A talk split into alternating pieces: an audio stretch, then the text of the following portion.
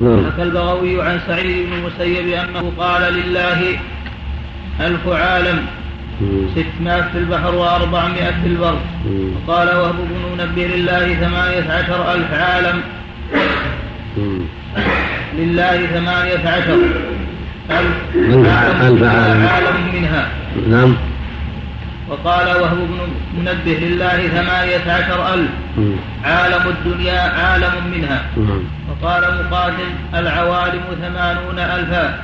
وقال كعب الأحبار لا يعلم عدد العوالم إلا الله عز وجل. وهذا هو الصواب. كل هذه الاشياء تخرصات عن بني إسرائيل أو أشباههم. لا لا وجه لها ولا أساس لها. هذه الأمور هذه لا تضبط ولا تحصى إلا من جهة الله عز وجل؟ أو من جهة الرسول خبر عن الرسول عليه الصلاة والسلام ثابت.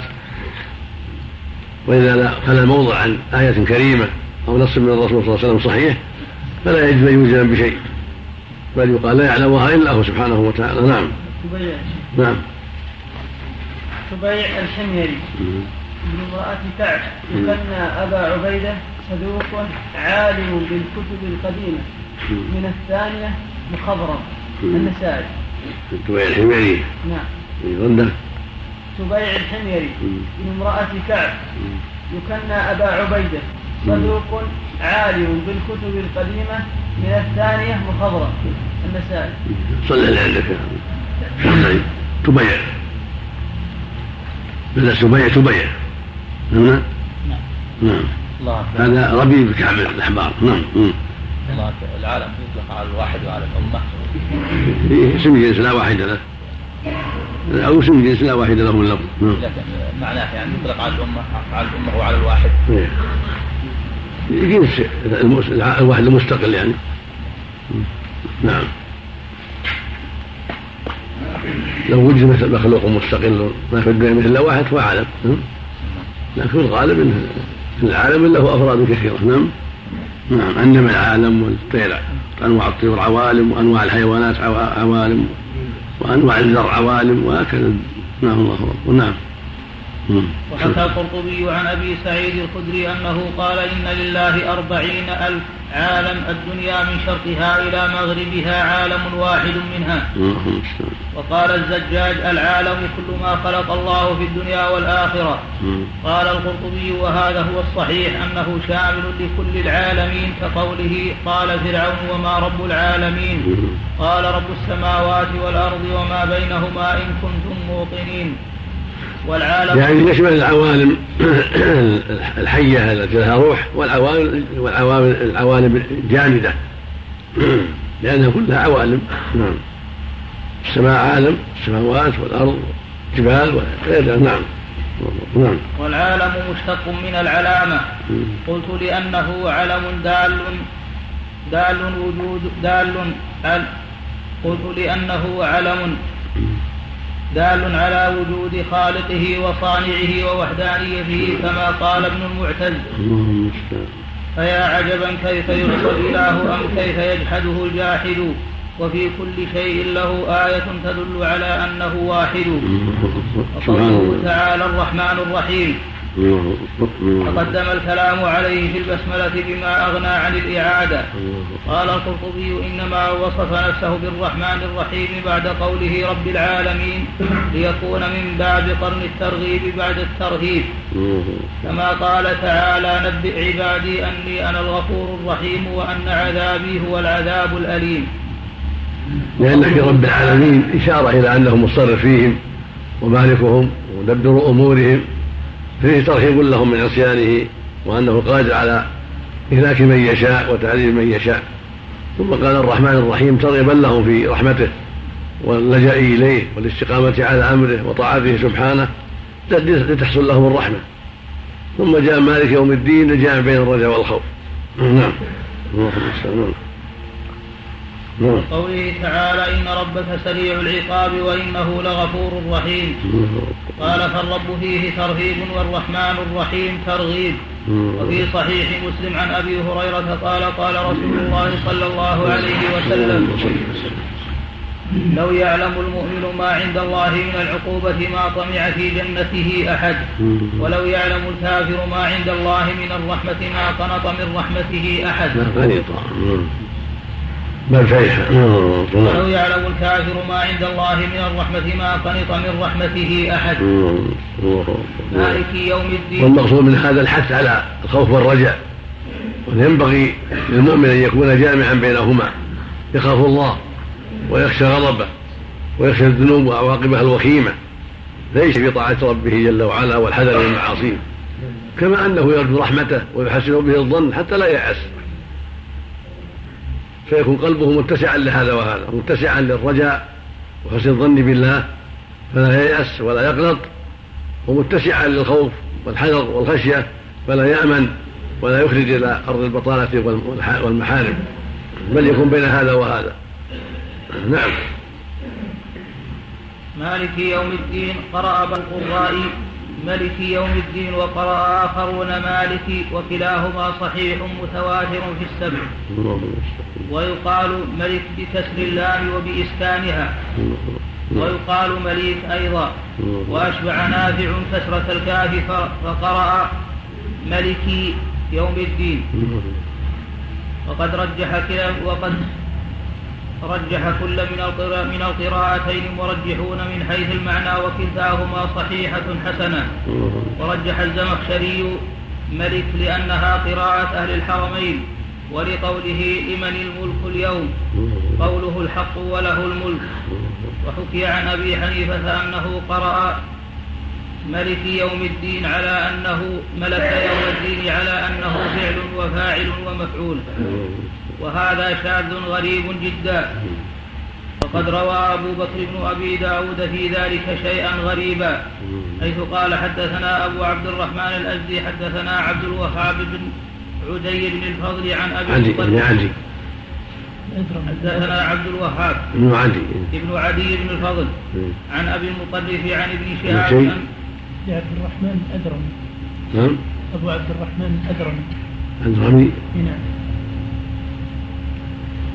قال ابن أبي إيش؟ إيش؟ قال ابن أبي داود. قال حدثنا أبو عبد الرحمن الأزدي. الأزدي. نعم. حدثنا عبد الوهاب بن عدي ابن الفضل عن أبي المطرف شنو أبو عبد الرحمن؟ أبو عبد هنا. أبو عبد الرحمن الازدي أو الاترمي نعم نعم.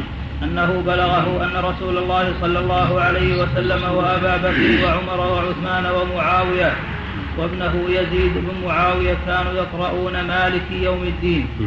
قال ابن شهاب وأول من أحدث ملك مروان. قلت مروان عنده علم بصحة ما قرأه لم يطلع, لم يطلع عليه ابن شهاب, ابن شهاب والله أعلم. وقد روي من طرق متعددة أوردها ابن مردويه أن رسول الله صلى الله عليه وسلم كان يقرأها مالك يوم الدين. ومالك مأخوذ من الملك كلها قراءة صحيحة. ملك يوم الدين ومالك قراءتان صحيحتان معروفتان نعم. ومالك مأخوذ من الملك. كما قال تعالى إنا نحن نرث الأرض ومن عليها وإلينا يرجعون. وقال قل أعوذ برب الناس ملك الناس وملك مأخوذ من الملك. كما قال تعالى لمن الملك اليوم لله الواحد القهار. وقال قوله الحق وله الملك. وقال الملك يومئذ الحق للرحمن وكان يوما على الكافرين عسيرا. وتخصيص الملك بيوم الدين لا ينفيه عما عداه لأنه قد تقدم الإخبار بأنه رب العالمين وذلك عام في الدنيا والآخرة. وإنما أضيف إلى يوم الدين لأنه لا يدعي أحد هنالك شيئا ولا يتكلم أحد إلا بإذنه. كما قال تعالى يوم يقوم الروح والملائكة صفا لا يتكلمون إلا من أذن له الرحمن وقال صوابا. وقال تعالى وخشعت الأصوات للرحمن فلا تسمع إلا همسا. وقال تعالى يوم يأتي لا تكلم نفس إلا بإذنه فمنهم شقي وسعيد. قال الضحاك عن ابن عباس. قال تعالى وما أدراك ما يوم الدين ثم ما أدراك ما يوم الدين. يوم لا تملك نفس لنفس شيئا والأمر يومئذ لله. هو مالك يوم الدين. لا أحد يدعي ملك ذلك اليوم. كل خائف وجل مشفق أما في الدنيا فهناك من يدعي الملك وهناك من ينازع. ومع ومع هذا قال سبحانه فلله الآخرة والأولى. له الملك في الدنيا والآخرة سبحانه وتعالى. هو المصرف في عباده كيف يشاء جل وعلا. وإن ادعوا في الدنيا ما يدعون فهم مغفورون مربوبون الله أكبر. نعم. الله شيخ. نعم. الشيخ مقبل تعليق على قوله حدثنا عبد الوهاب بن عدي بن الفضل. يقول حدثنا عبد الوهاب بن عدي صوابه عبد الوهاب عن عدي بن الفضل. كما في كتاب المصاحف لأبي داود. وعدي بن الفضل قال ابن معين وأبو حاتم متروك الحديث. وقال يحيى لا يكتب حديثه. وقال غير واحد ضعيف. انتهى من الميزان. ملكة أبو؟ ما وجدنا. عبد الرحمن؟ لا ولا الألفي. يحتاج. يحتاج. قد يكون له ولد اسمه عبد الهادي. راجع. ويراجع ترجمة عبد الهادي. عبد الهادي من الآن. ذكر. نعم. وقال الضحاك عن ابن عباس مالك يوم الدين. يقول لا يملك أحد معه في ذلك اليوم حكما كملكهم في الدنيا. قال ويوم الدين. يوم الحساب للخلائق وهو يوم القيامة. يدينهم بأعمالهم إن خيرا فخير وإن شرا فشر. إلا من عفا عنه. وكذلك قال غيره من الصحابة والتابعين والسلف. وهو ظاهر. وحكى ابن جرير عن بعضهم أنه ذهب إلى أن تفسير مالك يوم الدين أنه القادر على إقامته ثم شرع يضعفها. ضعيفه نعم. ضعيف نعم نعم. والظاهر أنه لا منافاة بين هذا القول وما تقدم. وأن كل من القائلين هذا القول وبما قبله يعترف بصحة القول الآخر ولا ينكره. ولكن السياق أدل على المعنى الأول من هذا. كما قال تعالى الملك يومئذ الحق للرحمن وكان يوما على الكافرين عسيرا. والقول الثاني يشبه قوله تعالى ويوم يقول كن فيكون والله أعلم. مم. والملك في الح... والملك في ال- في الحقيقة هو الله عز وجل. قال الله تعالى هو الله الذي لا إله إلا هو الملك القدوس السلام. وفي الصحيحين عن أبي هريرة رضي الله عنه مرفوعا أخنع اسم عند الله رجل تسمى بملك الأملاك. ولا مالك إلا الله وفيهما عنه عن رسول الله صلى الله عليه وسلم قال يقبض الله الأرض ويطوي السماء بيمينه ثم يقول أنا الملك أين ملوك الأرض؟ أين الجبارون أين المتكبرون؟ وفي القرآن العظيم لمن الملك اليوم؟ لله الواحد القهار. فأما تسمية غير في الدنيا بملك فعلى سبيل المجاز كما قال تعالى إن الله قد بعث لكم طالوت ملكا وكان وراءهم ملك إذ جعل فيكم أنبياء وجعلكم ملوكا وفي الصحيحين مثل الملوك على الأسرة. يعني ناس من امته يدخلون الجنة مثل الملوك على اشر نعم.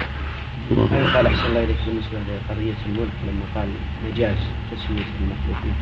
قال هذا له ملك خاص به ولا الصواب انه إن كل شيء على حقيقته هذا ملك على حقيقه وهذا ملك على حقيقه لكن يتسامحون في العبارات.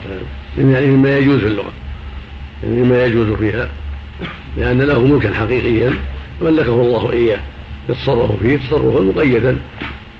نعم. ذكره؟ نعم. الجمعة جاءت من العالم. نعم. الجمعة جاءت من العالم. نعم. الجمعة من العالم. شو؟ الجمعة جاءت الجمعة الجبال وغيرها جمادات من العالم نعم اي نعم. جمادات نعم.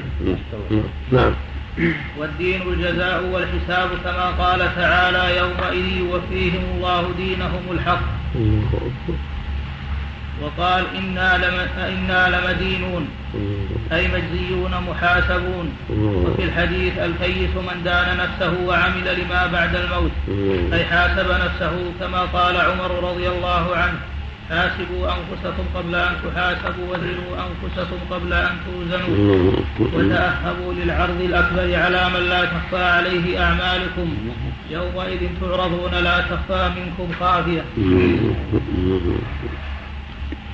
المعنى أنه مالك يوم الحساب والجزاء ويطلق ويطلق الدين عن الطاعة. إن الدين عند الله الإسلام يعني الطاعة والعبادة عند الله الإسلام. ولكن هنا المراد بالحساب. إن الله يجازيهم بأعمالهم ويحاسبهم بأعمالهم. إن خيرا فخير وإن شرا فشر. بركة. سمع اللهم صل على اللهم نعم بسم الله الرحمن الرحيم الحمد لله رب العالمين. عندنا على نبينا نعم. أقول زيادة لفظة هنا. إيه. حاسب نفسه لنفسه لا بس حسب نفسه. الكيس من نفسه يعني حاسبه. كلمة لنفسه زيادة. نعم. عندنا زيادة لفظة. حاسب, حاسب نفسه لنفسه. باللام أي نعم. لا بأس. ما- ما نعرفها حسبها يعني على ما فعلته نعم. قال الإمام البخاري رحمه الله تعالى باب قول الله تعالى ولا تنكحوا المشركات حتى يؤمنوا. ولا أمة مؤمنة خير من مشركة ولو أعجبتكم. حدثنا قتيبة حدثنا الليث عن نافع أن ابن عمر رضي لا الله ما ينافع ما في- ما في منافع. أقول لنفسي ما في منافع. لأن حسابها إنما يحاسبها لمصلحته نعم. نعم. الحازم الجيد. لا قوي. الاسناد يا شيخ. نعم فيه فيه ضعف لكنه مشهور رواه الحاكم داود نعم مم. نعم. حدثنا قتيبة حدثنا ما علق عليه ما علق عليه إلا الشيخ مقبول يا شيخ. علق عليه شيء. نعم. يقول حديث الكيس رواه الترمذي وحسنه الحاكم. مم. وقال صحيح على شرط البخاري وتعقبه الذهبي فقال لا والله في سنده أبو بكر بن أبي مريم وهو واحد. معروف لا كلام. ينظر هل له طرق أخرى؟ نعم. لأن بعض الأئمة جزم بصحته والظاهر غفلة. المعروف هو من هالطريق اللي فيها طرق النظر لكن ربما أن يوجد له طريق آخر ينبغي أن يعني يلاحظ ينظر ينظر طرقه. نعم. أبو بكر وهو ضعيف ضعيف بن عبد الله بن مريم ضعيف. هناك سعيد بن مريم صحيح ثقة. إمام. حديثه البخاري. أما هذا أبو بكر مريم اختلط واختل نعم. اللهم صل على- هذا المعنى نعم. حيث المعنى. المعنى صحيح لكن لكن المقصود من جهه الرواية. نعم. نعم. يقال إنه ضعيف يعني. نعم. يقال إنه ضعيف. بهذا السند ضعيف. بهذا السند في أبو بكر بن عبد الله بن مريم صحيح. ضعيف. لكن ضعيف بعض العلماء. تعبيره وقد ثبت عن رسول الله قال الكيس. ومن الأئمة المعروفين. لكن لعله ثم وجد له طريقة أخرى. أو غفل عن هذا الشيء. نعم. نعم. نعم الشيخ ناصر جعل سلسلة الحديث ضعيف يمكن نعم نعم. ولو ما ما يكفي هذا طالب العلم يلتمس. نعم. نعم. لأن الإنسان يضعف على حسب ما بلغه. نعم. نعم. حدثنا قتيبة حدثنا الليث عن نافع أن ابن عمر رضي الله عنه ولهذا يقولون إذا وجدت الحديث قل ضعيف بهذا السند. نعم. نعم. نعم. والحافظ العراقي وإن تجد وإن تجد ضعيف فقل ضعيف أي بهذا فاقصدي ولا تضعف مطلقا بناء على الطريق لعل جاء من طريق يعني لا من مراعاة الطرق الأخرى والعناية. نعم. عندنا ما نعم. لا بس.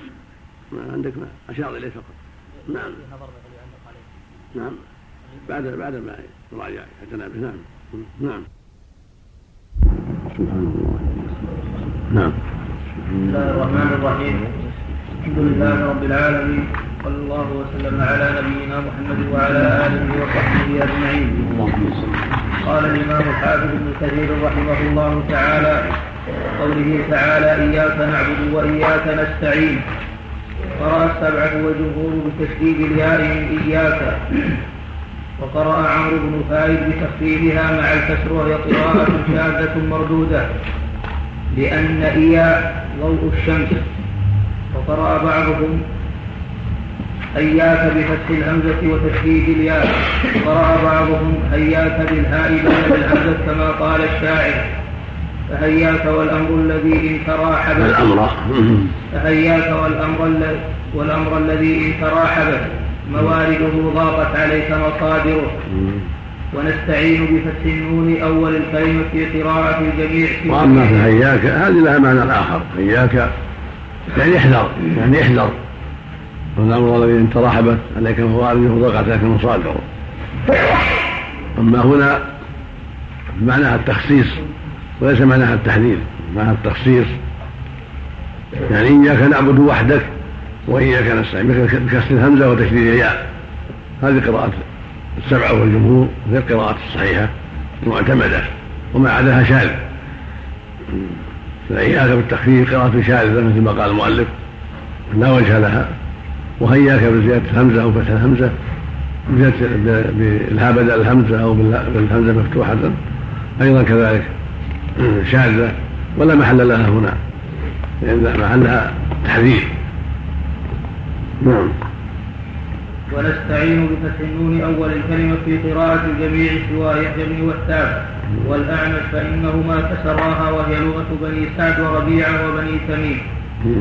والعبادة في اللغة من الذلة يقال طريق معبد إلى الآن بعض العرب يقول نستعين نفعل كذا وكذا.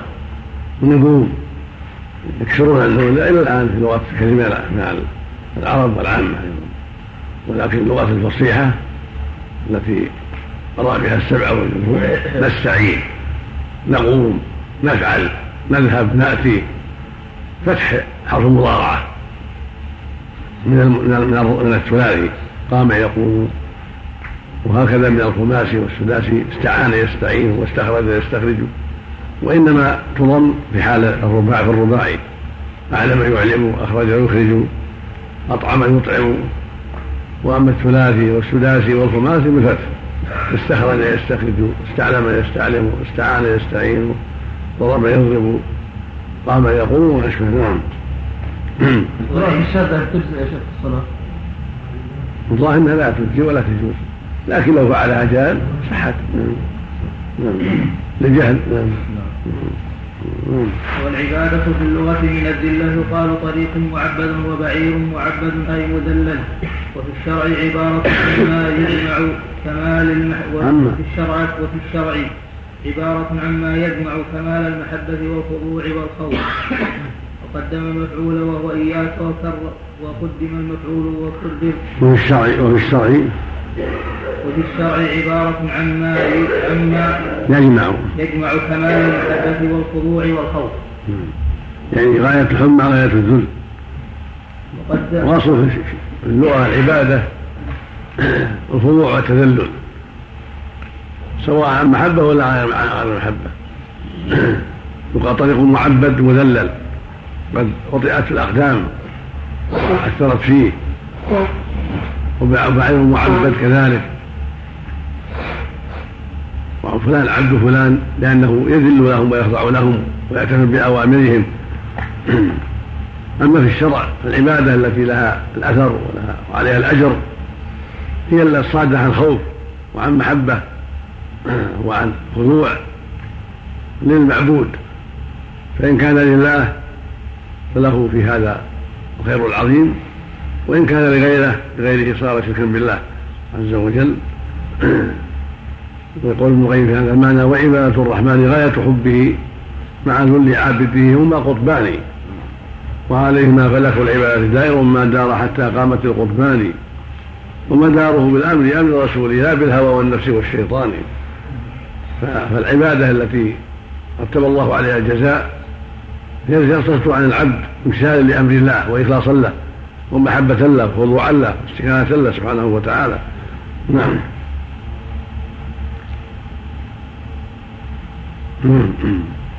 وقدم المفعول وهو إياك وقدر للاهتمام والحصر أي لا نعبد إلا إياك ولا نتوكل إلا عليك وهذا هو كمال الطاعة. والدين كله يرجع إلى هذين المعنيين. وهذا كما قال بعض السلف الفاتحة سر القرآن وسرها هذه الكلمة إياك نعبد وإياك نستعين. فالأول تبرؤ من الشرك والثاني تبرؤ من الحول والقوة والتوفيق إلى الله عز وجل. إيه نعبدك وحدك لا بقوتنا ولكن بحولك وقوتك وإعانتك يا ربنا. فالمعنى نعبدك وحدك مستعينا بك. لا حول لنا ولا قوة على ذلك إلا بك يا ربنا. فهو المعين وهو الموفق وهو الهادي سبحانه وتعالى. نعم. رشيد على إلى الله عز وجل. يقول كذا في الأصل وينبغي أن يكون وتفويض بالتنكير لأنه معطوف على تبرع وتعريفه يجعله معطوفا على ما قبله مباشرة. لأنه معرفة وحينئذ يقصد المعنى لأنه تبرؤ من التفويض لأنه شو؟ فالأول العبارة فالأول تبرؤ من الشرك. والثاني تبرؤ من الحول والقوة التفويض إلى الله عز وجل والثاني والثاني والثاني تبرؤ من الحول والقوة والتفويض إلى الله عز وجل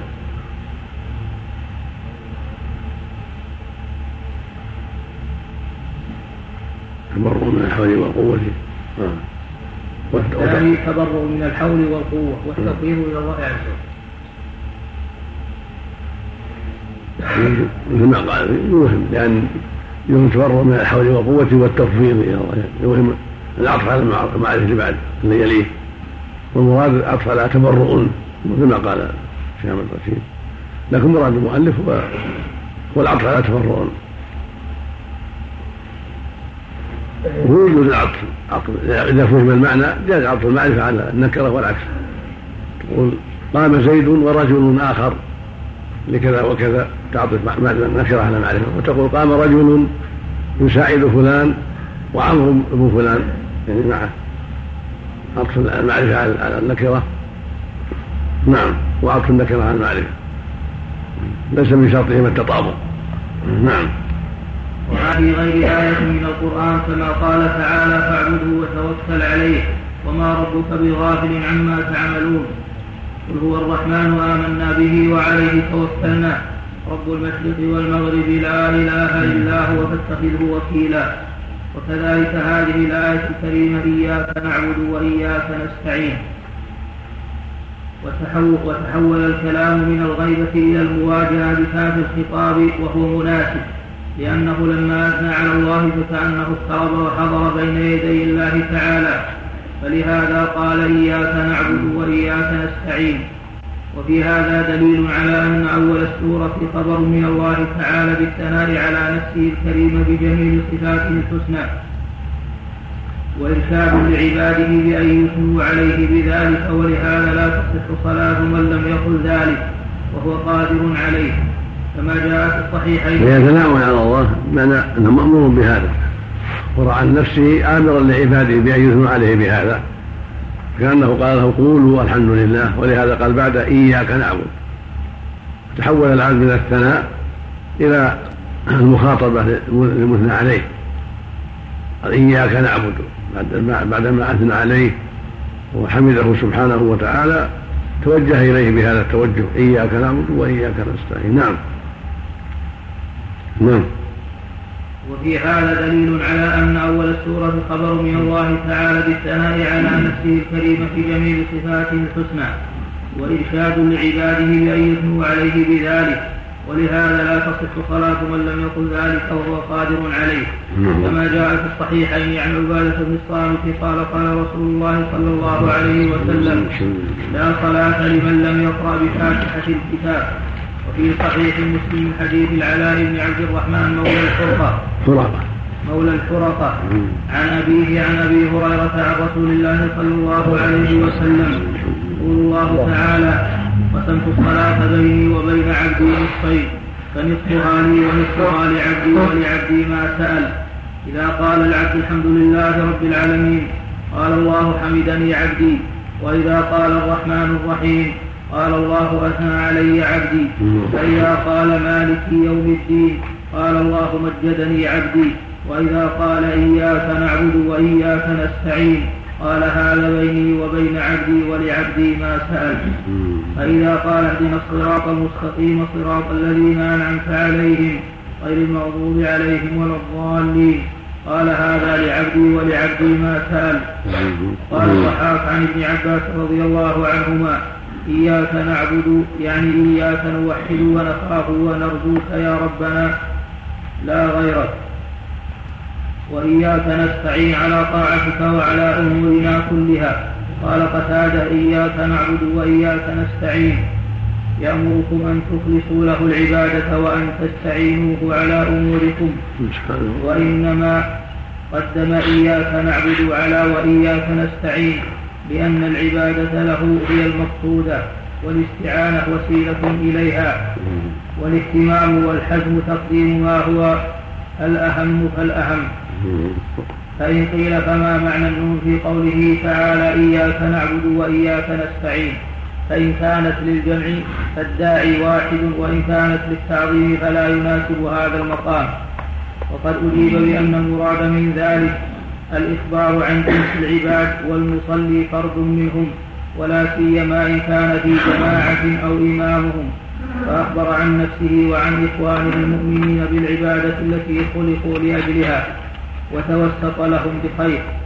ومنهم من قال يجوز أن تكون للتعظيم كأن العبد قيل له إذا كنت داخل العبادة فأنت شريف وجاءك عريض فقل إياك نعبد وإياك نستعين. وإن كنت خارج العبادة فلا تقل نحن ولا فعلنا. ولو كنت في مئة ألف أو ألف ألف لاحتياج الجميع إلى الله عز وجل وفقرهم إليه.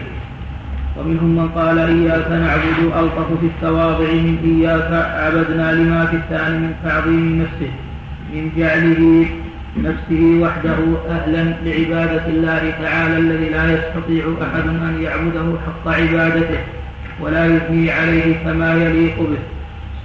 والعبادة مقام عظيم يشرف به العبد انتسابه إلى جناب الله تعالى كما قال بعضهم.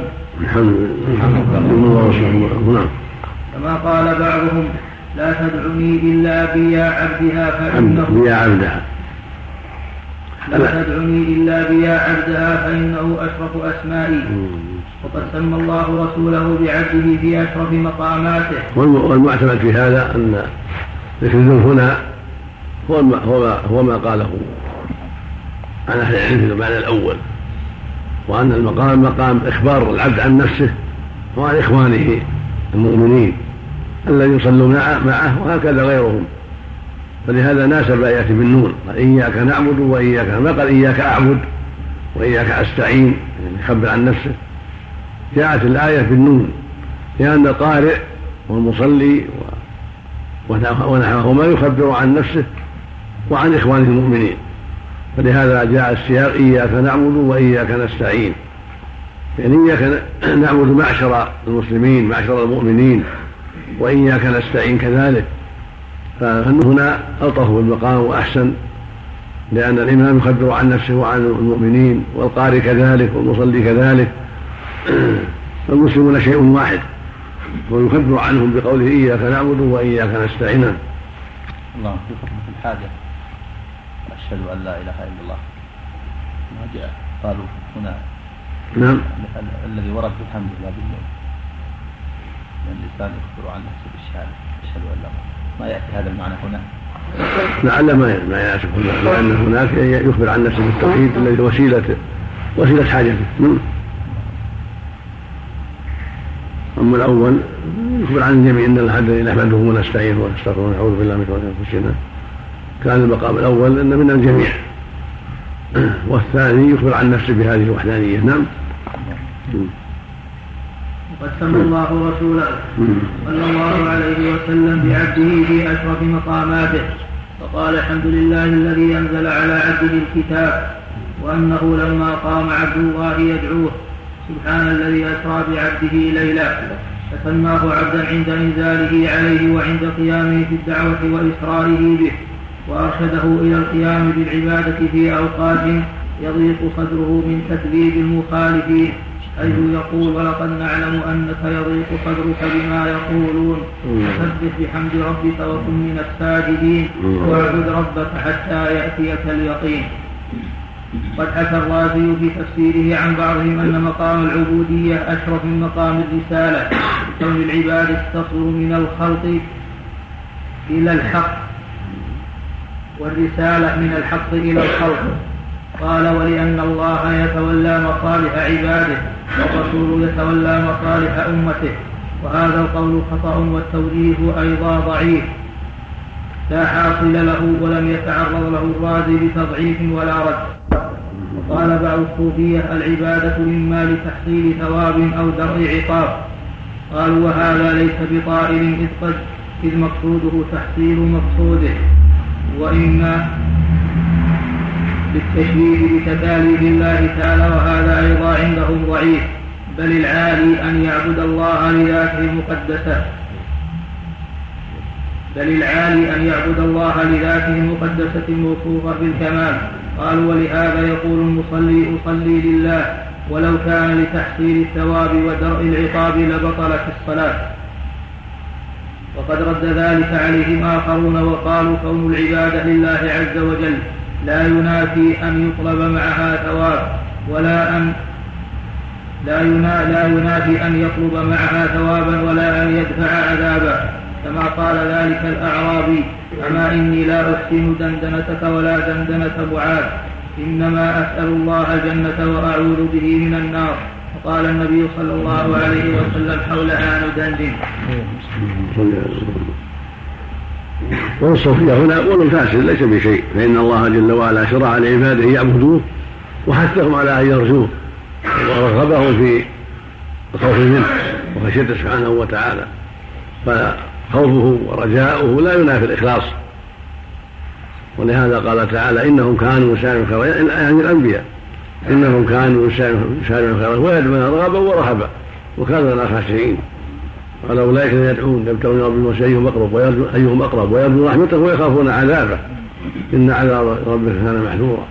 فهو سبحانه وتعالى يعبد باستداد ذاته وأسمائه وصفاته وخوفا من عقابه وحذر غضبه ورجاء رحمته وإحسانه سبحانه وتعالى. وليس خوفه ورجاؤه مضادا ولا معاكسا للإخلاص له سبحانه وتعالى. نعم. ويخلص له العبادة لهذه الأمور لمحبته له وتعظيمه له خوفه منه ورجائه لا غير هذا من صفاته سبحانه وتعالى. نعم. اهدنا الصراط المستقيم. نعم. بسم الله الرحمن الرحيم. الحمد لله رب العالمين. صلى الله وسلم على نبينا محمد وعلى آله وصحبه أجمعين. قال الإمام ابن كثير رحمه الله تعالى على قوله تعالى اهدنا الصراط المستقيم. قراءة الجمهور بالصراط وقرئ الصراط وقرئ بالزاي. قال القراء وهي لغة بني عذرة وبني كلب ما لما تقدم الثناء على المسؤول تبارك وتعالى. والمعنى ان أن الصاد والزاي والسين اخوات ويصح الصاد وهو الطريق الواضح. ويصح الصراط بالصاد ثم السين الصراط ثم الزاي. وافصحها في لغات قريش بالصاد وهو الطريق الواضح. الذي قد وضعت اقدام اتضح للناس. نعم. لما تقدم الثناء على المسؤول تبارك وتعالى ناسب ان يعقب بالسؤال. كما قال فنصفها لي ونصفها لعبدي ولعبدي ما سأل. وهذا أكمل أحوال السائل أن يمدح مسؤوله ثم يسأل حاجته. وحاجة إخوانه المؤمنين. بقوله تعالى بقوله تعالى اهدنا الصراط المستقيم. لأنه أنجح للحاجة وأنجح للإجابة ولهذا أرشد الله إليه لأنه الأكمل. وقد يكون السؤال بالإخبار عن حال السائل واحتياجه كما قال موسى عليه السلام رب إني لما أنزلت إلي من خير فقير. وكما قال رب إني ظننت نفسي فاغفر لي. وما في سؤال وكما في السؤال لعلمه النبي الصديق. اللهم إني ظلمت نفسي ظلما كثيرا. فالضراعة للمسؤول والانكسار بين يديه من أعظم الأسباب. وإذا جمع بينهما تأتنا المسؤول بصفاته وانكسر له وتذلل ثم سأل كان أقرب أيضا الإجابة وهنا شرع الله الحمد والثناء ثم الاعتراف بأن العبد عبد لله. وأنه في حاجة إليه وأنه المستعان سبحانه ثم أرشد إلى السؤال فقال اهدنا الصراط المستقيم. بعد الثناء المناسب وبعد اعتراف العبد بأنه عبد الله والفقير إليه والذي بين يديه شرع له أن يسأل حاجته وهي طلب الهداية إلى الطريق الموصل إليه. فكأنه يقرأ يقول يا رب عرفتك وعرفت أسماءك وصفاتك وأنك المعبود بالحق وأني عبدك. فاهدنا الطريق الموصل إليك. نعم. نعم. قد يتقدمه مع ذلك وصف مسؤول كقول ذي النون. لا إله إلا أنت سبحانك إني كنت من الظالمين. وقد يكون بمجرد الثناء على المسؤول كقول الشاعر أذكر حاجتي أن قد كفاني حياؤك إن شيمتك الحياء. حماؤك حماؤك. نعم بالعطاء بالباء نعم. حماؤك نعم. إن شيمتك الحباء. أما كفاني حماؤك؟ إنك نعم نعم نعم. إذا أثنى عليك المرء يوما كفاه من تعرضه الثناء. والهداية ها هنا الإرشاد والتوفيق. وقد من حيث الحديث. عن صحيح يعني من نعرف الرواية الحباء من العطاء نعم. يعني كفاني سخاؤك وجودك الناس ما حشمتك العطاء وجود. نعم. والهداية ها هنا الإرشاد والتوفيق قد تعد الهداية بنفسها كما هو اهدنا الصراط المستقيم. فتضمن معنى ألهمنا أو وفقنا أو ارزقنا أو أعطنا وهديناه النجدين أي بينا له الخير والشر. وقد تعد وقد تعدى بإله كقوله تعالى اجتباه وهداه إلى صراط مستقيم. فاهدوهم إلى صراط الجحيم. وذلك بمعنى الإرشاد والدلالة. وكذلك قوله وإنك لتهدي إلى صراط مستقيم. وقد تعدى باللام كقول أهل الجنة. الحمد لله الذي هدانا لهذا. أي وفقنا لهذا وجعلنا له أهلا. وأما الصراط المستقيم فقال الإمام ابن جرير فقال الإمام أبو جعفر بن جرير أجمعت الأمة من أهل التأويل جميعا على أن الصراط المستقيم هو الطريق الواضح الذي لا اعوجاج فيه. وذلك في لغة جميع العرب. فمن ذلك قول جرير بن عطية الخطفي. أمير المؤمنين على صراط إذا اعوج المورد مستقيم. إذا إذا إذا اعوج المورد إذا عوجت الموارد.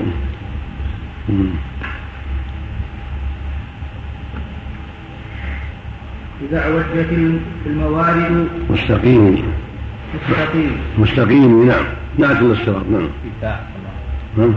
البيت أمير المؤمنين. على الصراط هذا من الوارد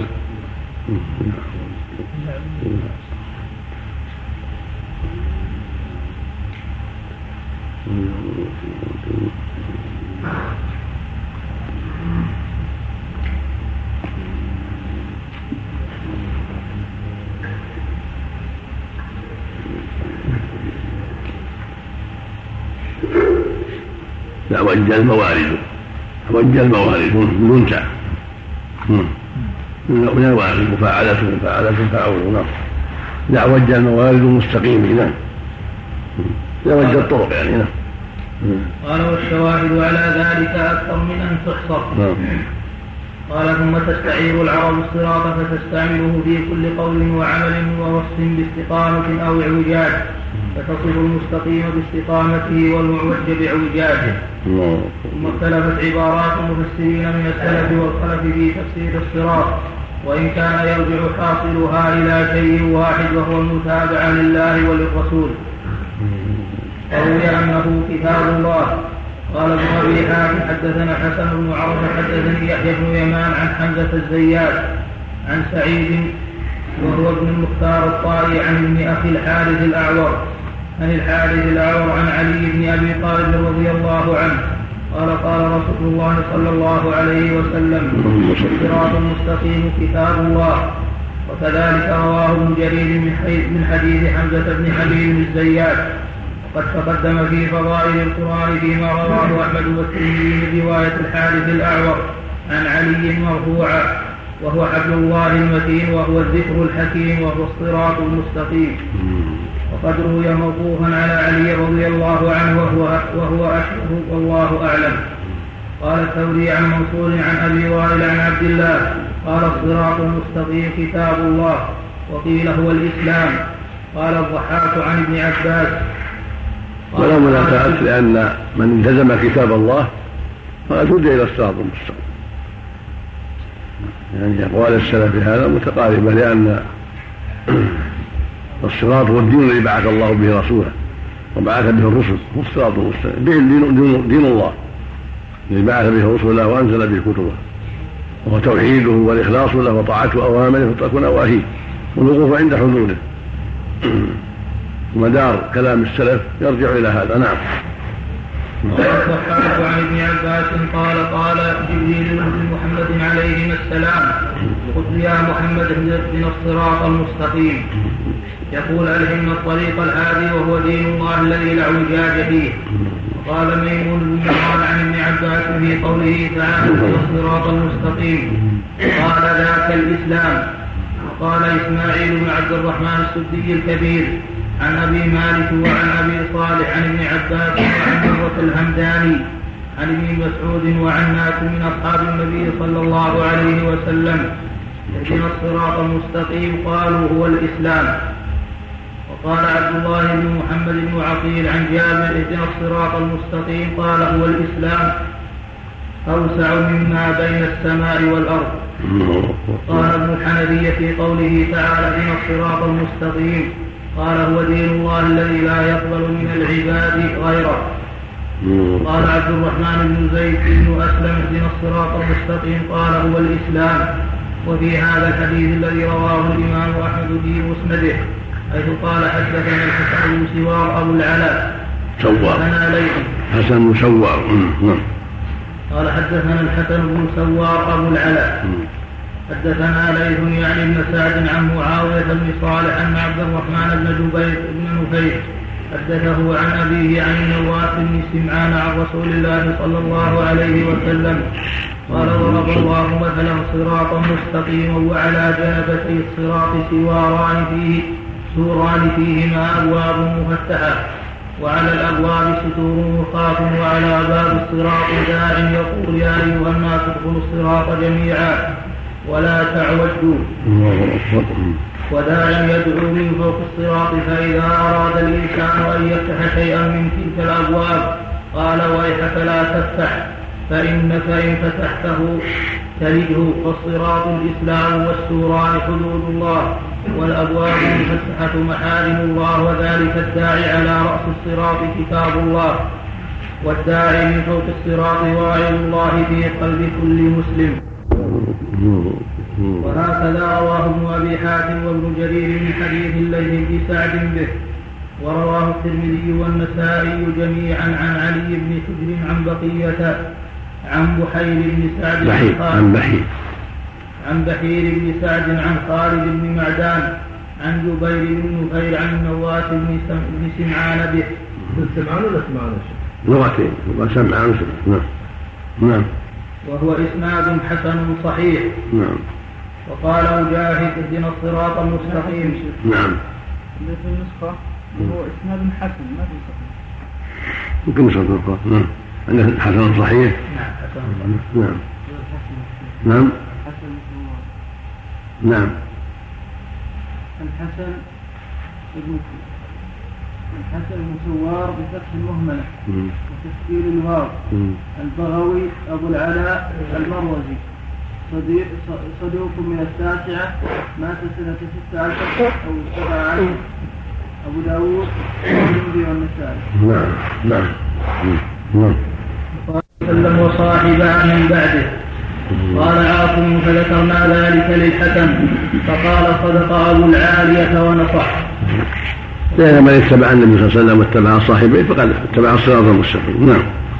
وكل هذه الأقوال صحيحة وهي متلازمة فإن من اتبع النبي صلى الله عليه وسلم واقتدى بالذين من بعده أبي بكر وعمر فقد اتبع الحق ومن اتبع الحق فقد اتبع الإسلام ومن اتبع الإسلام فقد اتبع القرآن وهو كتاب الله حبله المتين وصراطه المستقيم. وكلها صحيحة يصدق بعضها بعضا ولله الحمد. قال الطبراني حدثنا محمد بن الفضل السقطي حدثنا إبراهيم بن مهدي المصيصي حدثنا يحيى بن زكريا بن أبي زائدة عن الأعمش عن أبي وائل عن عبد الله قال الصراط المستقيم الذي تركنا عليه رسول الله صلى الله عليه وسلم.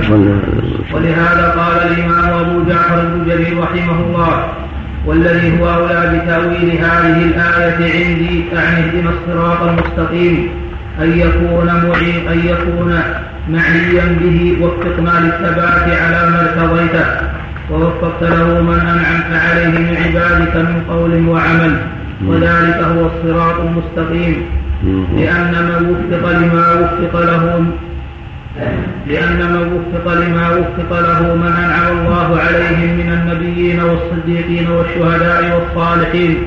فقد وفق للإسلام وتصديق الرسل والتمسك بالكتاب والعمل بما أمره الله به والانزجار عما زجره عنه.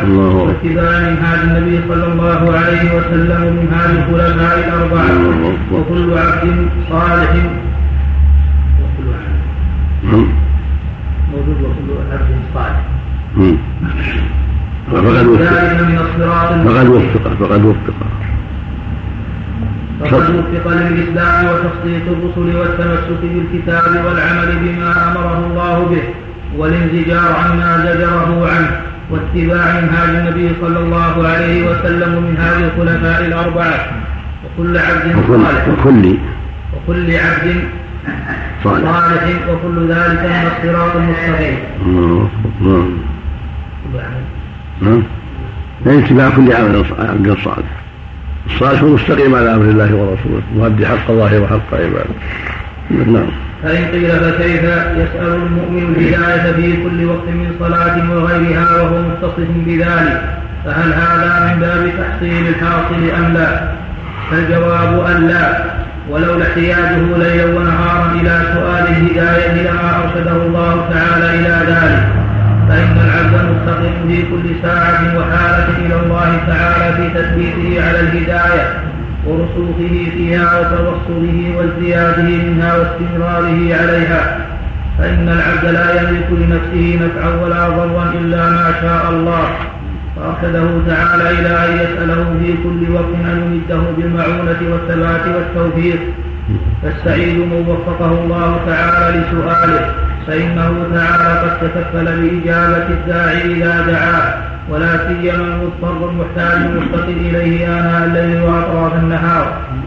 قد قال تعالى يا أيها الذين آمنوا آمنوا بالله ورسوله والكتاب الذي نزل على رسوله والكتاب الذي أنزل من قبل. الآية. وقد أمر الذين آمنوا بالإيمان وليس ذلك من باب تحصيل الحاصل لأن المراد الثبات والاستمرار والمداومة على الأعمال المعينة على ذلك.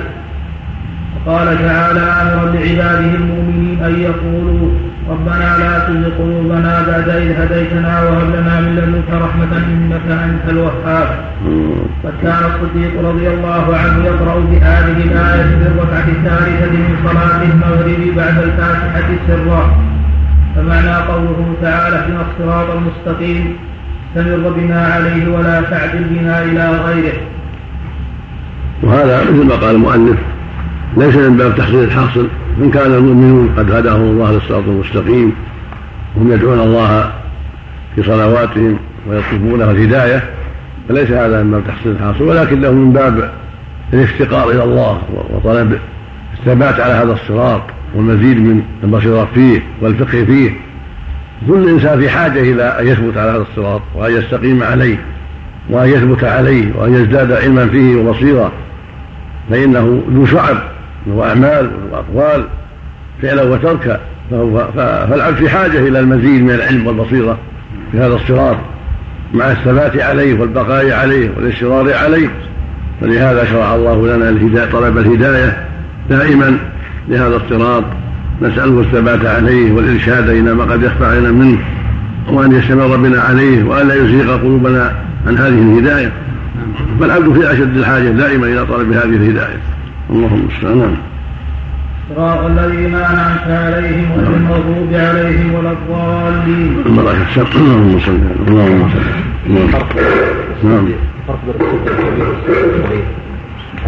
الصديق كبير ثقة في رجال مسلم إسماعيل بن عبد الرحمن. صحيح محمد بن موال الصديق كذاب ضعيف ليس بشيء. أقول ليس بشيء عندهم لكن استشهد به من باب الاستشهاد. نعم. ولا؟ المدينة السورية بالتخفيف مصيصي. ويقول في مدينة في تركيا بالتشديد بالصيصة. قد يشتبه بالنسبة إلى هذا وإلى هذا. والأمر سهل. من عرف أنه من سوريا فهو مصيصي بالتخفيف. من عرف أنه من ذيك اللي في تركيا فهو مصيصي بالتشديد. ومن جهل الأمر في السهل نعم. نعم.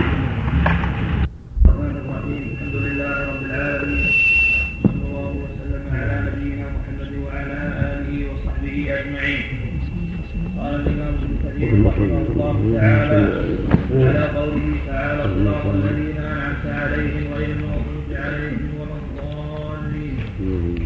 تقدم الحديث فيما اذا قال العبد بنا الصراط المستقيم إلى آخرها.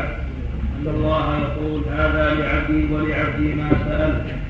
وقوله تعالى صراط الذين أنعمت عليهم مفسر بالصراط المستقيم.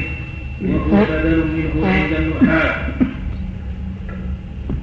ويجوز أن يكون عقب بيان والله أعلم. والذين أنعم الله عليهم هم المذكورون في سورة النساء حيث يقول تعالى ومن يطع الله والرسول فأولئك مع الذين أنعم الله عليهم من النبيين والصديقين والشهداء والصالحين وحسن أولئك رفيقا. ذلك الفضل من الله وكفى بالله عليما. قال الضحاك عن ابن عباس صراط الذين أنعمت عليهم بطاعتك وعبادتك من ملائكتك وأنبيائك والصديقين والشهداء والصالحين. وذلك نظير ما قال ربنا تعالى ومن يطع الله والرسول فأولئك مع الذين أنعم الله عليهم. الآية. وقال أبو جعفر الغازي عن الربيع بن أنس صراط الذين أنعمت عليهم قال هم النبيون. وقال ابن جريج عن ابن عباس هم المؤمنون. وكذا قال مجاهد. وقال وكيع هم المسلمون. وقال عبد الرحمن بن زيد بن هم النبي صلى الله عليه وسلم ومن معه. والتفسير المتقدم عن ابن عباس رضي الله عنهما أعم وأشمل والله أعلم. وقوله تعالى لا شك أن لا شك أن هذا تفسير لقوله تعالى اهدنا الصراط المستقيم. فإنه جل وعلا أرشد عباده إلى أن يسألوه الهداية إلى صراطه المستقيم. ثم بين ذلك. فقال الصراط الذين أنعمت عليهم. فأوضح سبحانه أن الصراط المستقيم هو صراط المنعم عليهم. وهم الذين وفقهم الله للعلم والعمل. المنعم عليهم. هم أهل العلم النافع والعمل الصالح. وهم النبيون والصديقون والشهداء والصالحون. مذكور في سورة النساء بقوله عز وجل ومن يطع الله والرسول فأولئك مع الذين أنعم الله عليهم من النبيين والصديقين والشهداء والصالحين. وحسن أولئك رفيقا. هؤلاء هم المنعم عليهم وهم أهل العلم والعمل.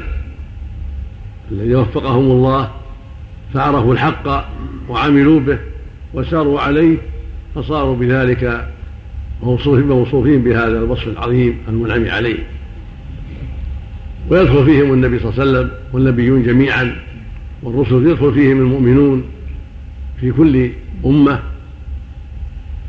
ويدخل فيهم من يسمى بالمسلمين المسلم أعم من المؤمن.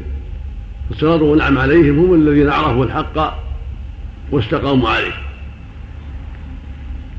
تسأل ربك أن يهدك صراطهم حتى تكون سائرا في سبيلهم ومرافقا لهم في طريقهم. ثم استثنى المغلوب عليهم والضالين لأنهم ليسوا كذلك. المغلوب عليهم عرفوا ولم يعملوا فحادوا عن الطريق. والضالون جهلوا ولم يعلموا تعبدوا على الجهالة. هؤلاء ليسوا من أهل الصراط المستقيم ليسوا من المنعم عليهم. أما اليهود وأشباههم من علماء السوء فلأنهم عرفوا ولم يعملوا فلم يوفقوا للنعمة الكاملة. أعطوا نعمة ناقصة نعمة العلم دون عمل نعوذ بالله. وصار حجة عليهم صار وبالا. والقسم الثاني تعبدوا وعملوا لكن على جهل وعلى غير هدى كالنصارى وأشباههم من الرهبان وعباد السوء. فهؤلاء ليسوا من المنعم عليهم. وإنما المنعم عليهم هم الذين تفقهوا في الدين وتبصروا فيه وعرفوا دين الله وحقه ثم عملوا. نعم الله يجعلنا وإياكم من هنا اللهم نعم قوله تعالى غير المغضوب عليهم ولا الضالين. قرأ الجمهور غير بالجر على النعت. قال الزمخشري وقرئ بالنصب على الحال وهي قراءة رسول الله صلى الله عليه وسلم وعمر بن الخطاب. ورويت عن ابن كثير وبالحال الضمير في عليهم والعامل أنعمت. والمعنى اهدنا الصراط المستقيم صراط الذين أنعمت عليهم ممن تقدم وصفهم ونعتهم. وهم أهل الهداية والاستقامة والطاعة لله ورسوله وامتثال أوامره وترك نواهيه وزواجره. غير صراط المغضوب عليهم وهم الذين فسدت إرادتهم فعلموا الحق وعدلوا عنه. ولا صراط الضالين وهم الذين فقدوا العلم فهم هائمون في الضلالة لا يهتدون إلى الحق. وأكد الكلام بلا ليدل على أن ثم مسلكين فاسدين وهما طريقة اليهود والنصارى. قد زعم بعض النحاة أن غيرها هنا استثنائية فيكون على هذا منقطعا لاستثنائهم من المنعم عليهم وليسوا منهم. وما أوردناه أولى لقول الشاعر كأنك من جمال بني أقيل يقعقع عند رجليه بشني أي كأنك جمل من جمال بني أقيل فحذف الموصوف واكتفى بالصفة. وهكذا غير المغضوب عليهم. أي غير صراط المغضوب عليهم. اكتفى بالمضاف إليه عن ذكر المضاف. ودل عليه سياق الكلام. وهو قوله تعالى اهدنا الصراط المستقيم صراط الذين أنعمت عليهم. ثم قال تعالى غير المغضوب عليهم. ومنهم من زعم أن لا في قوله تعالى ولا الضالين زائدة وأن تقدير الكلام عنده غير المغضوب عليهم والضالين. واستشهد ببيت العجاج في بئر لا حور سعي وما شعر. إيش؟ في بئر. في بئر لا حور. لا حور لا حور لا ولا لا؟ لا. لا حور نعم سعي وما شعر. إيش؟ السعي وما شعر. السعي. بدون تعريف. عندي معرف. سعي ولا إيش؟ سعى وما شعر. سعي وما شعر. وما شعروا شعر. وما شعر. سعى وما شعر. كرسي؟ سعى وما شعر سعى وما شعر نعم. نعم. معنى؟ أي في بئر حور. إيه. والصحيح ما قدمناه. ولهذا روى أبو الحبيب القاسم بن سلام في كتاب فضائل القرآن عن أبي معاوية عن الأعمش عن إبراهيم عن الأسود عن عمر بن الخطاب رضي الله عنه أنه كان يقرأ غير المغضوب عليهم وغير الضالين وهذا إسناد صحيح. وكذلك روى أبو عبيد. ولهذا روى أبو عبيد القاسم بن سلام في كتاب فضائل القرآن عن أبي معاوية عن الأعمش عن إبراهيم عن الأسود عن عمر بن الخطاب رضي الله عنه أنه كان يقرأ غير المغضوب عليهم وغير الضالين. وهذا إسناد صحيح. وهذا من باب التفسير من باب التفسير. تفسير اللام بغير. لإيضاح المعنى؟ والسند وإن قال؟ وإن قال المؤلف سند صحيح لكن فيه الأعمش. وقد عن عنه نعم. وكذلك حكي عن أبي بن كعب أنه قرأ كذلك. وهو محمول على أنه صدر منهما على وجه التفسير. ويدل على ما قلناه من أنه إنما جيء بلاء تأكيد النفي. لئلا يتوهم أنه معطوف على الذين أنعمت عليهم. وللفرق بين الطريقتين ليجتنب كل واحد منهما. فإن طريقة أهل الإيمان مشتملة على العلم بالعمل والعمل به. واليهود فقدوا العمل والنصارى فقدوا العلم. ولهذا كان الغضب لليهود والضلال للنصارى. لأن من علم وترك استحق الغضب بخلاف من لم يعلم. والنصارى لما كانوا قاصدين شيئا لكنهم لا يهتدون إلى طريقه لأنهم لم يأتوا الأمر من بابه وهو اتباع الحق ضلوا وكل من اليهود والنصارى ضال مغضوب عليه. لكن أخص أوصاف اليهود الغضب كما قال تعالى عنهم من لعنه الله وغضب عليه. وأخص أوصاف النصارى الضلال كما قال تعالى عنهم قد ضلوا من قبل وأضلوا كثيرا وضلوا عن سواء السبيل. وبهذا جاءت الأحاديث والآثار وذلك واضح بين فيما قال الإمام أحمد حدثنا محمد بن جعفر حدثنا شعبة قال سمعت سماك بن حرب يقول سمعت عباد بن حبيش يحدث عن عدي بن حاتم قال جاءت خير رسول الله صلى الله عليه وسلم فأخذوا عمتي وناسا فلما أتوا بهم إلى رسول الله صلى الله عليه وسلم صفوا له فقالت يا رسول الله نعم نعم. نأى الوالد وانقطع الولد وأنا عجوز كبيرة ما بي من خدمة فمن علي من الله عليك قال من وافدك؟ قالت عدي بن حاتم قال الذي فر من الله ورسوله قالت فمن علي فلما رجع ورجل إلى جنبه ترى أنه علي قال سليه حملانا فسألته فأمر لها. قال فاتتني فقالت لقد فعلت فعلة ما كان أبوك يفعلها فإنه قد أتاه فلان فأصاب منه. وأتاه فلان فأصاب منه فأتيته فإذا عنده امرأة وصبيان. وذكر قربهم من النبي صلى الله عليه وسلم قال فعرفت أنه ليس بملك قصر ولا قيصر. فقال يا علي ما أخرت أي أن يقال لا إله إلا الله فهل من إله إلا الله؟ ما أفرت أن يقال الله أكبر؟ فهل شيء أكبر من الله عز وجل؟ قال فأسلمت فرأيت وجهه استبشر. وقال إن المغضوب عليهم اليهود وإن الضالين النصارى. وذكر الحديث. ورواه الترمذي من حديث سماك بن حرب. وقال حسن وقال حسن غريب لا نعرفه إلا من حديثه. قلت وقد رواه حماد بن سلمة عن سماك عن مزي بن قطري. مري من قطري مري من قطري. عن مري بن قطري عن عدي بن حاتم. قال سألت رسول الله صلى الله عليه وسلم عن قوله تعالى غير المغضوب عليهم. تقريب حارون قال هم اليهود. مري بن قطري وعباد بن حبيش عباد بن حبيش نعم. نعم. والضالين قال النصارى هم الضالون. وهكذا رواه سفيان بن عيينة عن إسماعيل بن أبي خالد عن الشعبي. عن عدي بن حاتم عن عدي بن حاتم به. وهكذا رواه وهكذا, وهكذا رواه سفيان بن عيينة عن إسماعيل بن أبي خالد عن الشعبي عن عدي بن حاتم به.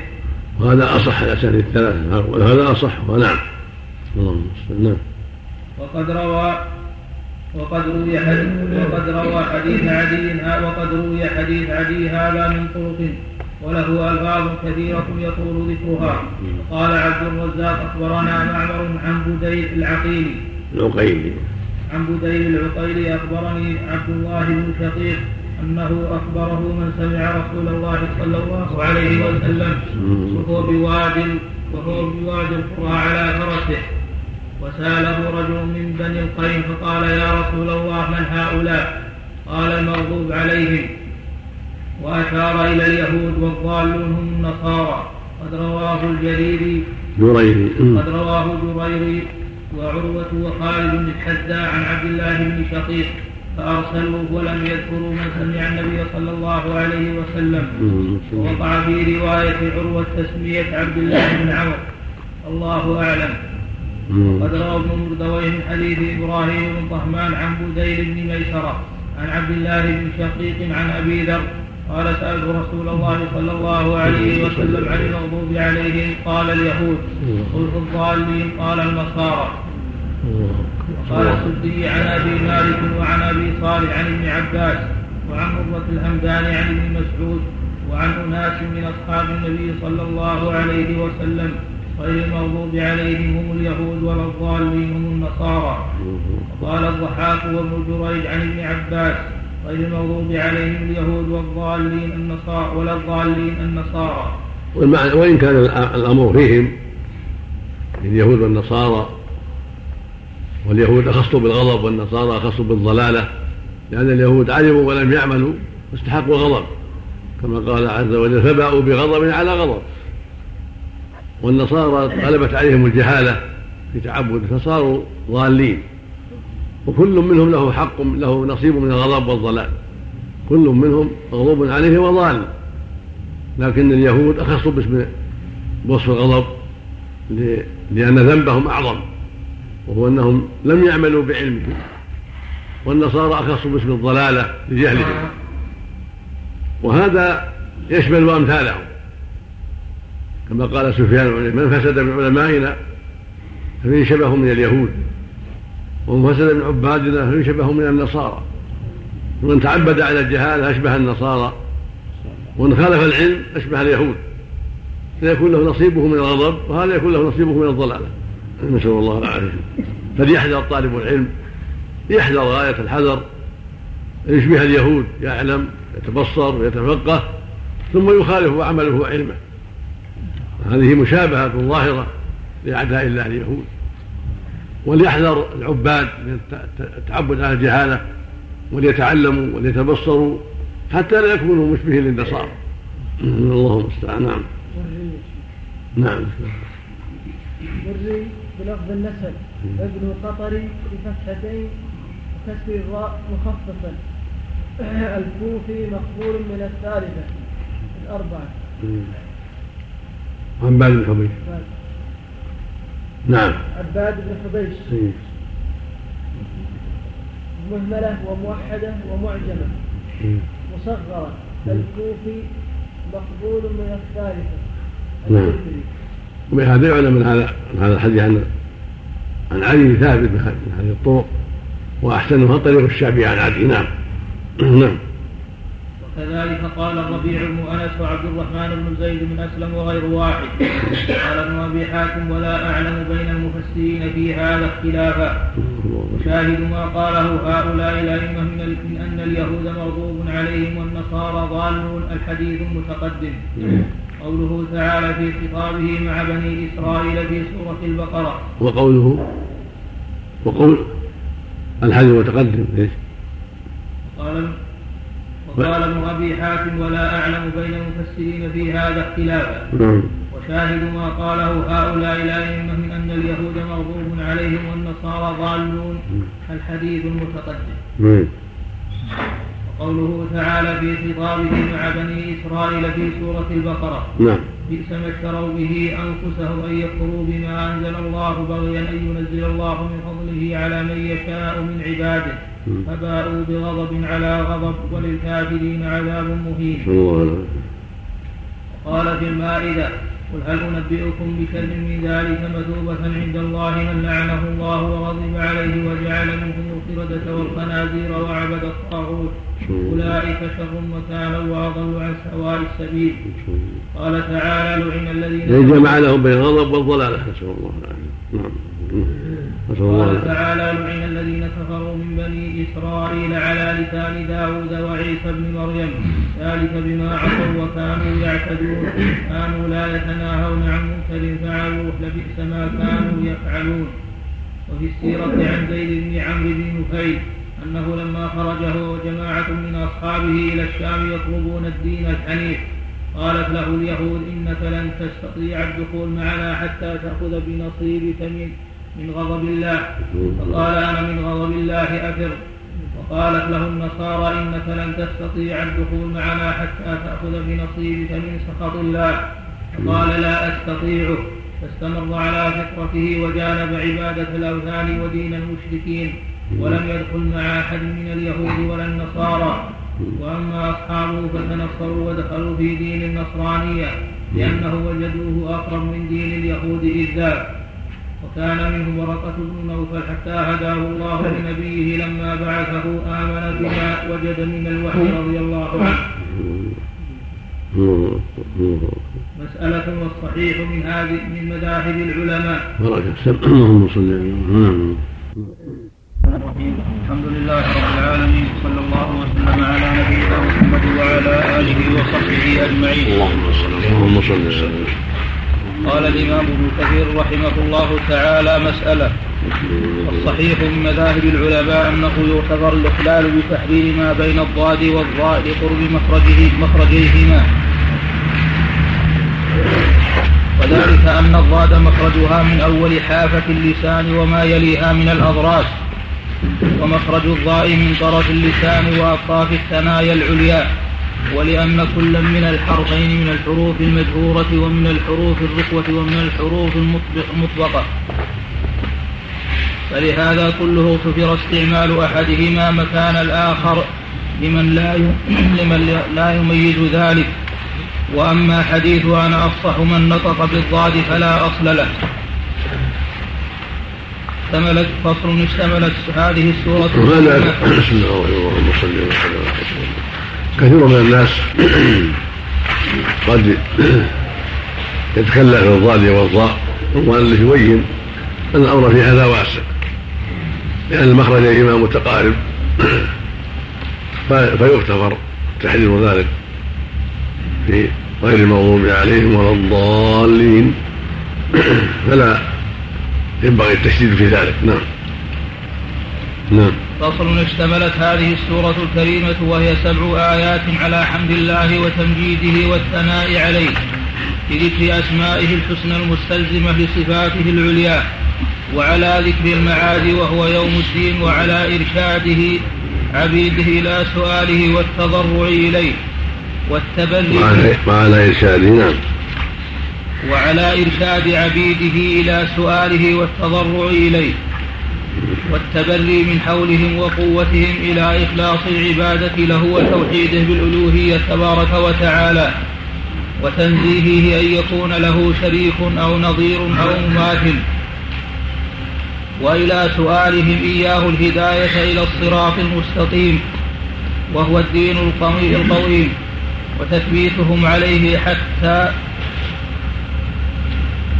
يفضي لهم بذلك إلى جواز الصراط الحسية يوم القيامة المفضي بهم إلى جنات النعيم في جوار النبيين والصديقين والشهداء والصالحين. واشتملت على الترغيب في الأعمال الصالحة ليكونوا مع أهلها يوم القيامة. والتحذير من مسالك الباطل لئلا يحشروا مع سالكيها يوم القيامة. وهم المغضوب عليهم والضالون. وما أحسن ما جاء إسناد الإنعام إليه. في قوله تعالى صراط الذين أنعمت عليهم غير المغضوب عليهم. في قوله تعالى صراط الذين أنعمت عليهم غير المغضوب عليهم. وحذف الفاعل في الغضب في قوله تعالى غير المغضوب عليهم. وإن كان هو الفاعل لذلك في الحقيقة كما قال تعالى ألم تر إلى الذين تولوا قوما غضب الله عليهم؟ الآية. وكذلك إسناد الضلال إلى من قام به وإن كان هو الذي أضلهم بقدره. كما قال تعالى من يهد الله فهو المهتدي ومن يضلل فلن تجد له وليا مرشدا. وقال تعالى من يضلل الله فلا هادي له ويذرهم في طغيانهم يعمهون. إلى غير ذلك من الآيات الدالة على أنه سبحانه هو المتفرد بالهداية والإضلال. لا كما تقول الفقة القدرية ومن حذا حذوهم من أن العباد هم الذين يختارون ذلك ويفعلونه ويحتجون على بدعتهم بمتشابه من القرآن ويتركون ما يكون فيه صريحا في الرد عليهم. وهذا حال أهل الضلال والغي. وقد ورد في الحديث الصحيح إذا رأيتم الذين يتبعون ما تشابه منه فأولئك الذين سمى الله فاحذروهم. يعني في قوله تعالى فأما الذين في قلوبهم زيغ فيتبعون ما تشابه منه ابتغاء الفتنة وابتغاء تأويله.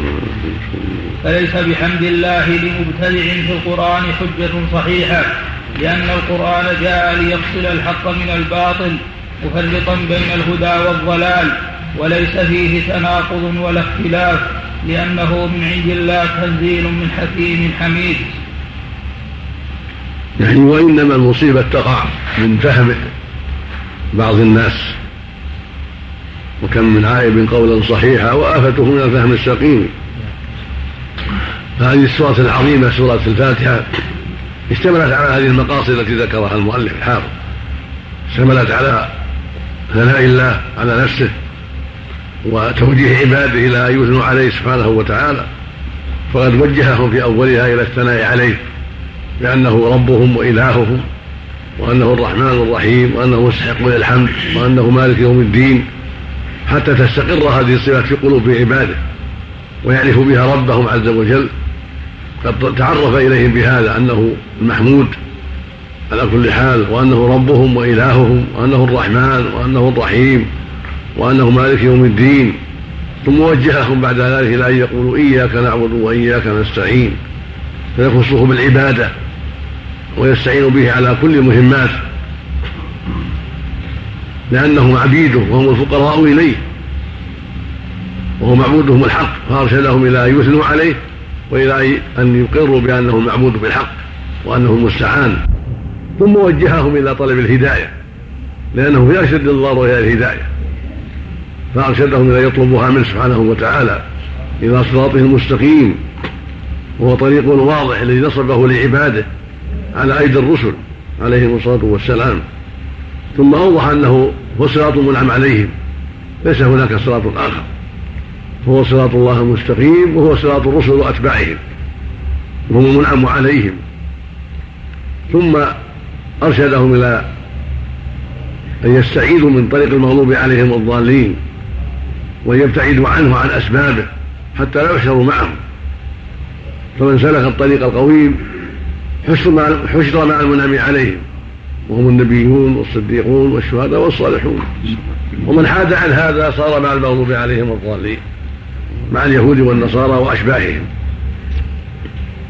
هذا كله من رحمة الله وإحسانه إلى عبادة أن وجههم إلى هذا الخير وأرشدهم إليه. وهو سبحانه وتعالى الذي يهدي من يشاء ويضل من يشاء. فقد غضب على اليهود وأشباههم لأنهم عرفوا وعلموا ولم يعملوا. وأضل النصارى لجهلهم وابتعادهم عن الهدى وعدم عنايتهم بأسباب النجاة. فصاروا ضالين فهو يهدي من يشاء فضلا منه. ويضل من يشاء عدلا منه سبحانه وتعالى. بيده تصريف الأمور. وأما قول المعتزلة والذي النفاة أن العبد يخلق فعله هذا من جهلهم وضلالهم. ولهذا شابه المجوس. ولو تدبروا عقلوا لبين لهم لعرفوا ما بيناه ما بين الله لهم في كتابه العظيم. من كونه يهدي من يشاء ويضل من يشاء. والعبد له اختيار. العبد ليس مجبورا له اختيار وله إرادة. هذا الاختيار وهذه الإرادة وهذا العمل تعلق به الثواب والعقاب. وهو لا يخرج عن قدر الله وعن ما سبق في علمه سبحانه وتعالى. فانسلست عليهم الأمور. فصاروا إلى الباطل وظنوا أن أنهم على هدى وأن هذه الأعمال التي فعلوها ليست عن قدر وإنها باختيارهم ومشيئتهم فأخطأوا الصواب وحادوا عن طريق الحق. وهي باختيارهم وهي بمشيئتهم وهم مؤاخذون عليها فقد أصابوا في هذا لكن أخطأوا في إخراجها عن قدر الله. وعن علمه السابق عن مشيئته سبحانه وتعالى. وهكذا كل الطوائف تجدها إذا تأملتها أصابت في شيء وأخطأت في شيء. والموفقون يأخذون بصواب مع مع الفرق ويتبرؤون من خطأه وضلاله. وهم أهل السنة والجماعة. جمعوا بين الحق وابتعدوا عن الباطل. فأخذوا ما عند أولئك الفرق من الحق والصواب ودانوا به وتبرأوا مما هم فيه من الباطل وما هم عليه من الباطل وابتعدوا عنه وحذروا منه. نعم. فصل يستحب لمن يقرأ الفاتحة أن يقول بعدها آمين مثل ياسين. ويقال أمين بالقصر أيضا. ومعناه اللهم استجب. والدليل على استحباب التأمين ما رواه الإمام أحمد وأبو داود والترمذي عن وائل بن حجر قال سمعت النبي صلى الله عليه وسلم قرأ غير المغضوب عليهم ولا الضالين فقال آمين مد بها صوته ولأبي داود رفع بها صوتا وقال الترمذي هذا حديث حسن وروي عن علي وابن مسعود وغيرهم وعن أبي هريرة قال كان رسول الله صلى الله عليه وسلم إذا تلا غير المغضوب عليهم ولا الضالين. قال آمين حتى يسمع من يليه من الصف الأول. حتى حتى يسمع من يليه من الصف الأول.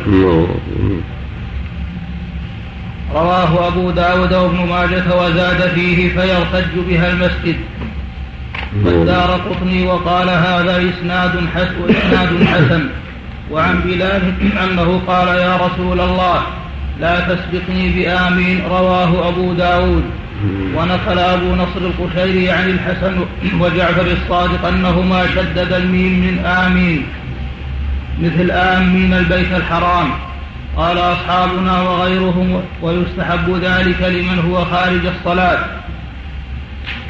ويتأكد في حق المصلي وسواء كان منفردا أو إماما أو مأموما. وفي جميع الأحوال لما جاء في الصحيحين عن أبي هريرة رضي الله عنه أن رسول الله صلى الله عليه وسلم قال إذا أمن الإمام فأمنوا فإنه من وافق تأمينه تأمين الملائكة غفر له ما تقدم من ذنبه.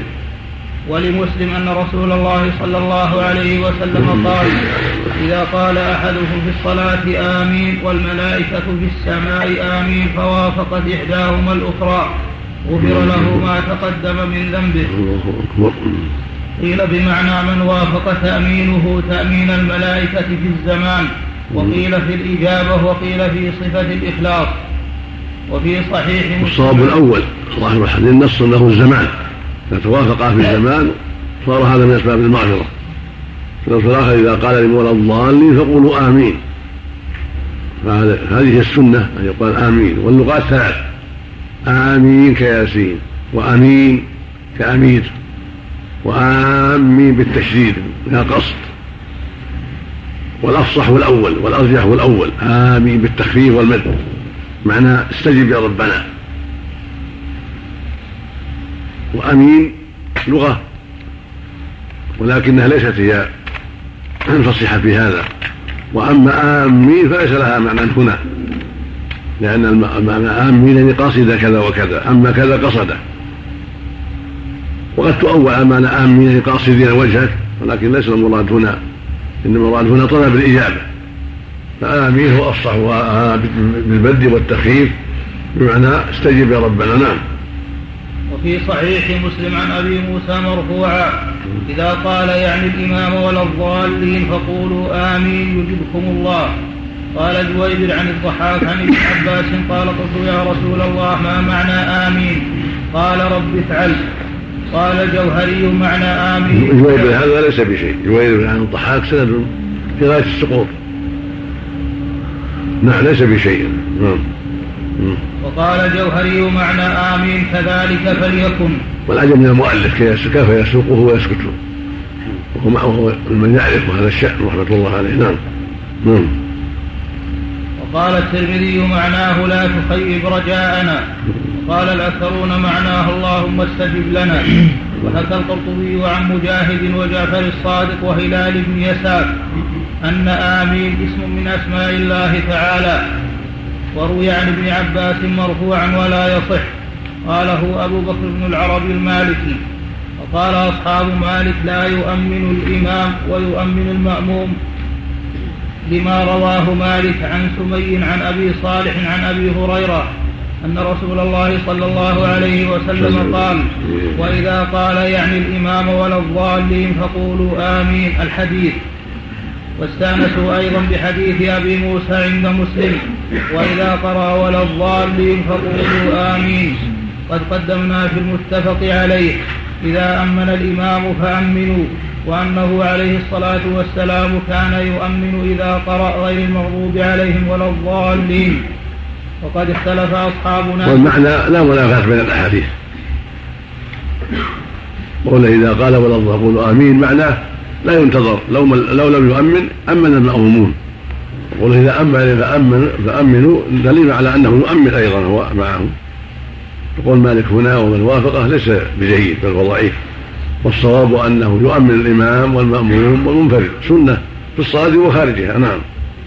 وقد اختلف أصحابنا في الجهر بالتأمين للعموم في الجهرية وحاصل الخلاف أن الإمام إن نسي التأمين جهر المأموم به قولا واحدا. وإن أمن الإمام جهرا فالجديد أنه لا يجهر. المأموم وهو مذهب أبي حنيفة ورواية عن مالك. لأنه ذكر من الأذكار لأنه ذكر من الأذكار فلا يجهر به كسائر أذكار الصلاة. والقديم أنه يجهر به. وهو مذهب الإمام أحمد بن حنبل والرواية الأخرى عن مالك. لما تقدم حتى يرتج المسجد. ولنا قول آخر ثالث أنه إن كان المسجد صغيرا لم يجهر المأموم لأنهم يسمعون قراءة الإمام وإن كان كبيرا جهر ليبلغ التأمين من في أرجاء المسجد والله أعلم. والصواب هو القول الأول أن الكل يجهر. الإمام والمأموم يجهرون. نعم. وهكذا المنفرد إذا صلى وحده لكونه مريضا أو فاتته الصلاة مع الجماعة. بالجهرية نعم.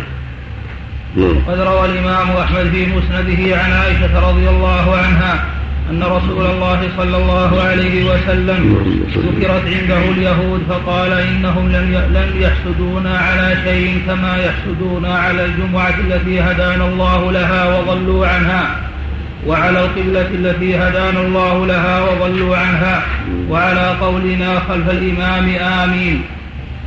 ورواه ابن ماجه ولفظه وما حسدتكم اليهود على شيء ما حسدتكم على السلام والتأمين. وله عن ابن عباس أن رسول الله صلى الله عليه وسلم قال ما حسدتكم اليهود على شيء ما حسدتكم على قول آمين. فأكثروا من قول آمين. وفي إسناده طلحة بن عمرو وهو ضعيف. وروى ابن مردويه عن عن أبي هريرة أن رسول الله صلى الله عليه وسلم قال آمين. خاتم خاتم رب العالمين على عباده المؤمنين. وروى وروى ابن مردويه. عن أبي هريرة أن رسول الله صلى الله عليه وسلم قال آمين. خاتم رب العالمين على عباده المؤمنين. وعن أنس قال قال مفردات ابن ابي المردود في الغالب ضعيفة. المردود متأخر وله تفسير ويجمع فيه يجمع فيه الغث والسمين. فلهذا يغلب على مفرداته الضعف. نعم. نعم وعن أنس قال قال رسول الله قال رسول الله صلى الله عليه وسلم أعطيت آمين في الصلاة وعند الدعاء. لم يعط أحد قبلي إلا أن يكون موسى. كان موسى يدعو وهارون يؤمن. فاختموا الدعاء بآمين فإن الله يستجيبه لكم.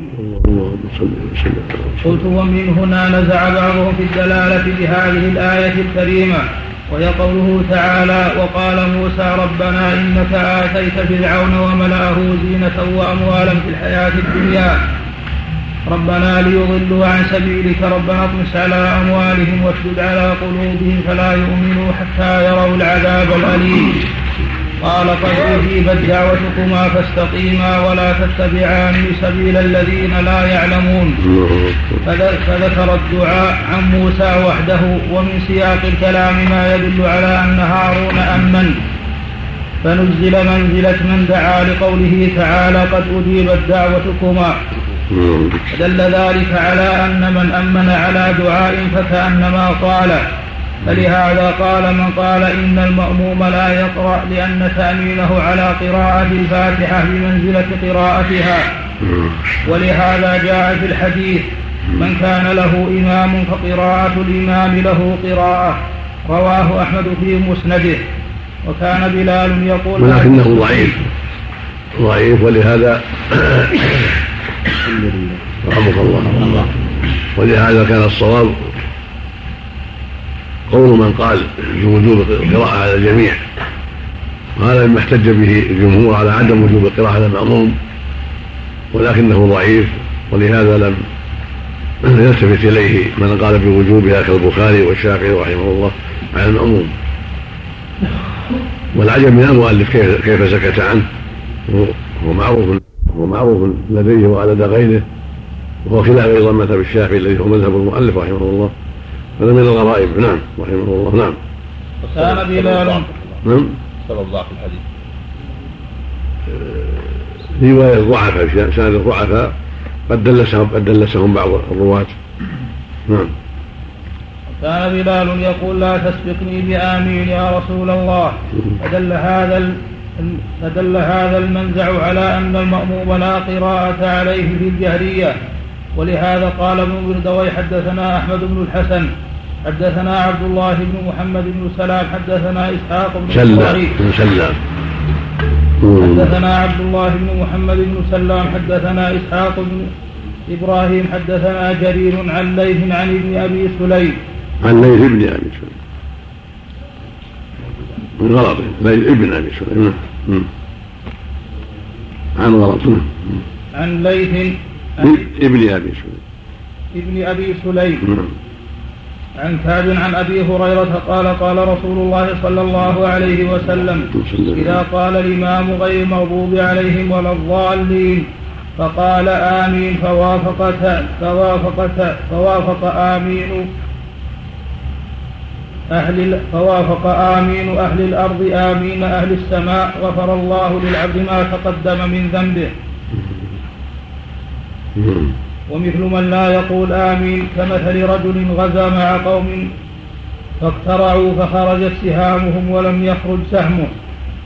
فقال لم لم يخرج سهمي؟ فقيل إنك لم تقل آمين.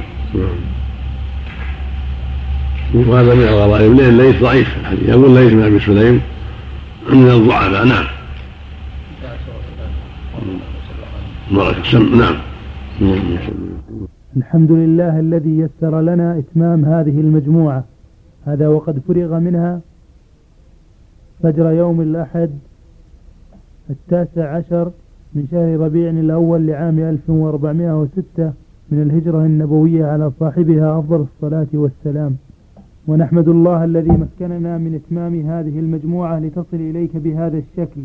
دفعنا إلى ذلك قوله تعالى وما كان المؤمنون لينفروا كافة فلولا نفر من كل فرقة طائفة ليتفقهوا في الدين ولينذروا قومهم إذا رجعوا إليهم لعلهم يحذرون. ودفعنا إليه قوله صلى الله عليه وسلم بلغوا عني ولو آية. وقوله صلى الله عليه وسلم فليبلغ الشاهد الغائب فرب, فرب مبلغ أوعى من سامع ورب حامل فقه إلى من هو أفقه منه. وهو جهد نسأل الله أن يجعله خالصا لوجهه الكريم ومقربا إلى جنات النعيم وأن ينفع به الجميع وأن يجعله حجة لنا لا علينا. وإن كان لنا من رجاء نرجوه منك فهو ألا تنسانا من دعائك. فالله يعلم كم نحن بحاجة إلى دعوة كل أخ في الله.